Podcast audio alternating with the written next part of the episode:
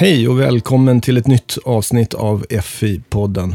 Denna gång kommer det att handla om ett eh, väldigt långt ord, försäkringsdistributionsdirektivet, som med fördel förkortas IDD, står då för Insurance Distribution Directive. Det är, som kanske hörs, ett eh, direktiv från EU om nya regler för försäkringsdistribution som eh, införs i de olika medlemsstaternas regelverk. För svensk del börjar det här att gälla den 1 oktober i år när den nya lagen om försäkringsdistribution och Finansinspektionens föreskrifter om detta trädde i kraft. Jag heter Thomas Tollonen och jag arbetar som kommunikatör på Finansinspektionen. Med mig i studion idag har jag två kollegor. Vad heter ni och vad jobbar ni med? Eh, jag heter Viktor Rangdahl och jobbar på marknadsuppförandetillsyn. Eh, och där jobbar jag som inspektör och eh, har främst jobbat med dels försäkringsförmedlingsfrågor. Sitter även som representant i, i Jopa, en grupp där som jobbar med konsumentrelaterade frågor. Ja, det är kort om mig. Ska jag säga. Ja, Peter Albrecht heter jag. Jag jobbar som jurist på marknadsuppföranderätt som ju då är en del också av eh, FIs konsumentskyddsområde.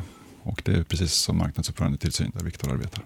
När man jobbar som eh, jurist på Finansinspektionen, vad gör man då? Ja, den grupp som jag jobbar i arbetar mycket med tillståndsfrågor för försäkringsförmedlare och eh, också frågor som gäller värdepappersföretag. Det är auktorisationer, det är ägarprövningar, ledningsprövningar och sådana saker. Är du med och skriver föreskrifter också? Jag har inte varit med om det hittills, men jag har varit här på FI knappt ett år, så att det kanske kommer framöver. Okay. När man jobbar som finansinspektör på Finansinspektionen, då Viktor, vad, gör man då? Ja, det är, det är en bra fråga. Eh, man gör ganska olika saker. Som sagt, jag sitter ju som dels som representant eh, på Jopa, då, i en grupp där. Eh, och så, så, det är ju en del av arbetet. Men sen gör vi även att vi går ut och bedriver undersökningar. Eh, och det kan vara olika områden som vi tittar på då. Vi gör även kartläggningar och de är oftast mer omfattande så att vi täcker en större del av marknaden. Och sen även, sitter vi även då ibland, alltså när det är tillståndsfrågor, så, så hjälper vi till där. Jag förstår. Ja, och försäkringsdistribution. Eh, det här är ju regler som kommer ifrån EU. Och från EU så kommer det förordningar som är direkt gällande i medlemsstaterna. Men det här är ju ett direktiv. Eh, vilket ju innebär då att, eh, att det ska implementeras i eh, de olika medlemsstaternas juridiska system. Innebär det att, eh, att det ser lite olika ut i de olika medlemsstaterna i EU? Ja, det kan man säga. Det här försäkringsdistributionsdirektivet är ett minimidirektiv eh, kan man säga. Så att varje medlemsstat kan välja att införliva strängare regler än vad som finns i direktivet. Och syftet med de här reglerna det är ju att det är framförallt en konsumentskyddslagstiftning. Dels så eh, ska konsumenter då inte förmås att teckna försäkringar som inte passar dem utifrån deras exempelvis finansiella situation eller risknivå. Mm. Och sen ett annat syfte med de här reglerna att underlätta för försäkringsförmedlare att bedriva verksamhet över gränserna då, inom EUs inre marknad. Tanken är lite grann att konsumentskyddet ska vara detsamma oberoende av vilken kanal som man köper en försäkring av. Det kan ju vara dels, antingen om man köper det genom en försäkringsförmedlare eller ett försäkringsföretag direkt. Man ska ha samma typ av konsumentskydd. Mm. Eh, och, eh, det finns ju då en del eh, bestämmelser i det här som handlar om vilken information som man ska lämna till en kund innan man eh, tecknar sig för en viss typ av försäkring. Och särskilt när det gäller eh, sådana försäkringar som kan ha stor ekonomisk betydelse för konsumenten, och som försäkringsbaserade investeringsprodukter som det kallas. För svenskt vidkommande så innebär väl det framförallt kapitalförsäkringar. Mm. Det är för att stärka konsumentskyddet alltså. Finns det andra motiv? Ja, det är det här som jag nämnde då att eh, det ska, eftersom det ska vara samma minimiregler som gäller mellan EUs medlemsstater så ska det då underlätta en gränsöverskridande verksamhet, eh, framförallt inom EUs inre marknad kan man väl säga. Okay. Men vilka företag är det då som eh, berörs av de här reglerna? Vilka är det som distribuerar försäkringar? Är, är det samma sak som att sälja försäkringar, det vi talar om? Ja, det kan man ja, förmedla. Det, det handlar ju mycket om rådgivning och sånt som görs innan ett försäkringsavtal ingås. Så att mycket av reglerna handlar om rådgivning, kan man väl säga. Alltså själva lagen kommer ju inte bara träffa förmedlare, utan den träffar Nej. ju andra företag också. Till exempel försäkringsföretag som... Det, det omfattar både försäkringsföretag och försäkringsförmedlare när de bedriver distribution. Och eh, antalet försäkringsförmedlare det är ungefär 1200 totalt. Och det är 600 juridiska personer och 600 fysiska personer. Okej. Ungefär. Och de här nya reglerna har jag förstått att det, det innebär att, att vissa saker får man inte göra längre nu då. Sedan den, den första oktober eh, var det i år då när den här nya svenska lagen och eh, om försäkringsdistribution och Finansinspektionens föreskrifter börjar träda i kraft. och det finns vissa saker som man inte får göra längre alltså. Eh, vad är det för saker? Ja, men den här, samtidigt som den här nya lagen trädde i kraft så upphörde också den tidigare lagen om försäkringsförmedling att gälla. Och I den lagen så fanns det en möjlighet för försäkringsförmedlare att ha en särskild typ av sidotillstånd. Och med det sidotillståndet så kunde man bedriva investeringsrådgivning inom vissa områden. Och eh, nu med den här nya lagen så den, finns inte den här möjligheten kvar. Och Det betyder att de som har ägnat sig åt den här sidoverksamheten måste antingen upphöra med det eller söka tillstånd för att bli värdepappersföretag. Man kan också välja att bli en sån här anknuten förmedlare som det kallas. Vi behöver inte gå in på bet- detaljer. Så det, det innebär att det blir en massa eh, företag som måste söka nya tillstånd nu då?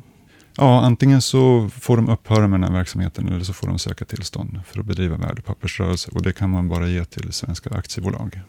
Och vad, vad är det för företag som behöver söka nya tillstånd? Ja, det är framförallt de som har ägnat sig åt den här typen av sidoverksamhet. För huvudregeln är att om man har haft tillstånd till försäkringsförmedling enligt den här tidigare lagen så fortsätter det att gälla som ett tillstånd till försäkringsdistribution enligt den nya lagen. Så man behöver, om man inte haft sånt här sidotillstånd så behöver man inte söka tillstånd på nytt utan de fortsätter att gälla som tidigare.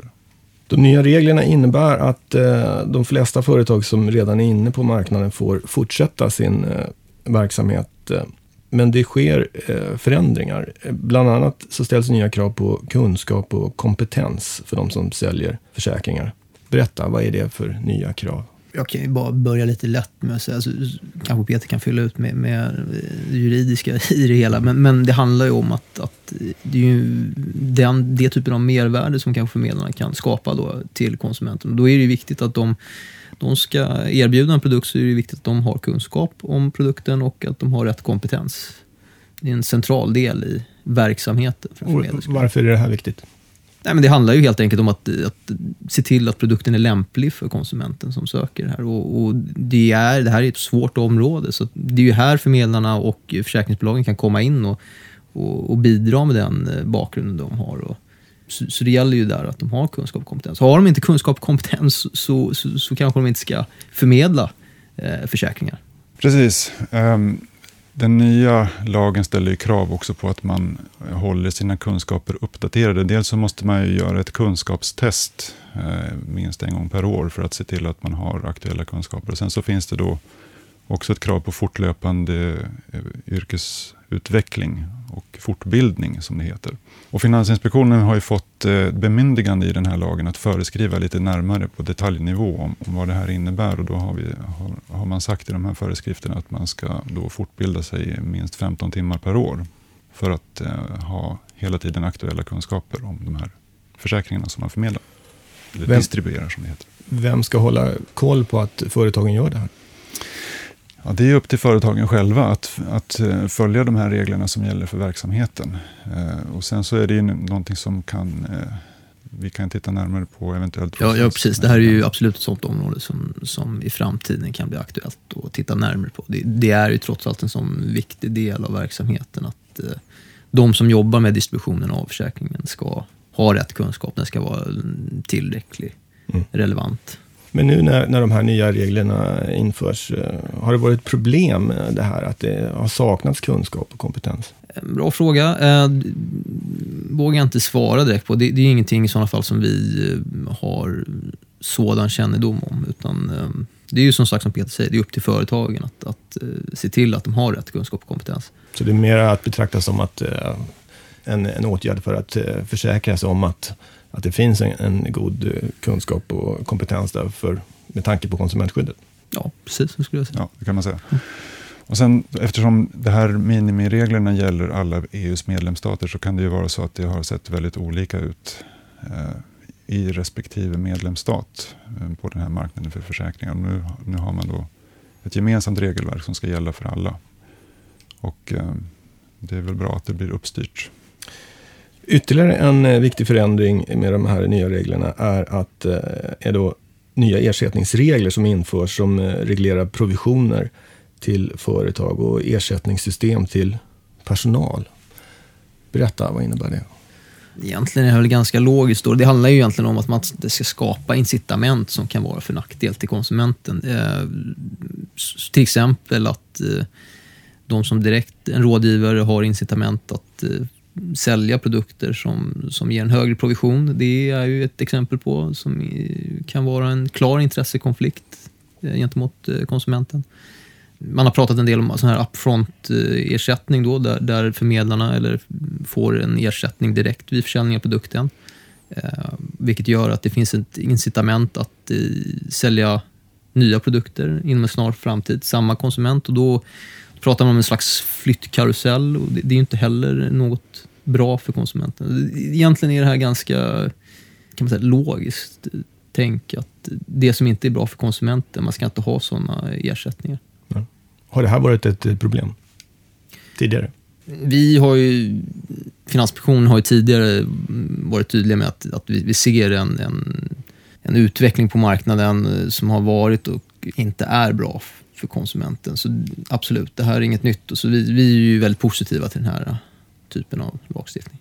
Vad innebär de här nya reglerna för, för företagen som berörs? Är, är det här en eh, stor förändring för företagen? Ja, det är fler förutsättningar som ska vara uppfyllda för att man ska få tillstånd och bedriva sån här verksamhet. Så att det blir en, en mer eh, noggrann granskning i, i den här processen när de ansöker om att få tillstånd från vår sida kan man väl säga. Mm. Är, det, är det där den stora eh, förändringen finns i just det här tillståndshanteringen? Ja, det finns ju regler också för hur de ska bedriva sin verksamhet och, och vilken information som de ska lämna till kunden. Och det, kan, det betyder också förändringar för de här aktörerna på marknaden säkert i förhållande till tidigare.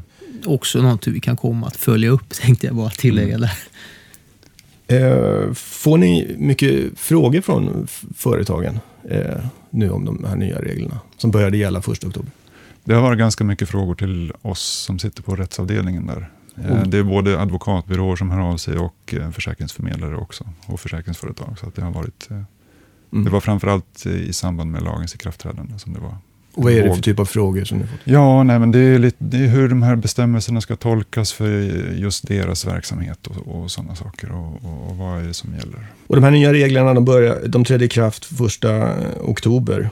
Eh, har företagen eh, anpassat sig nu till de nya reglerna? Vad säger du Viktor som är finansinspektör? Ja, alltså vi, har, vi har ju inte kanske gått ut och eh, börjat knacka dörr när det kommer till just den eh, frågan. Det, det, är som sagt ett nytt regelverk. Det trädde i kraft 1 oktober. Eh, det, är ett ganska komplext eh, regelverk kanske, och, eh, så det är mycket som behöver implementeras. Men, men, så jag kan inte riktigt svara på den frågan. Vad jag kan säga är att vi kommer ju givetvis följa upp det här nästa år.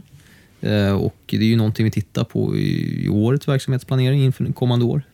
Vad vi ska titta på och vad som kan tänkas viktigt. Och absolut, det vi har nämnt här bland annat informations som ska komma till konsumenterna och kunskap och kompetens är ju en del av sådana saker som kan tänkas komma upp. Ja, då är det dags att eh, avrunda detta poddavsnitt om försäkringsdistribution.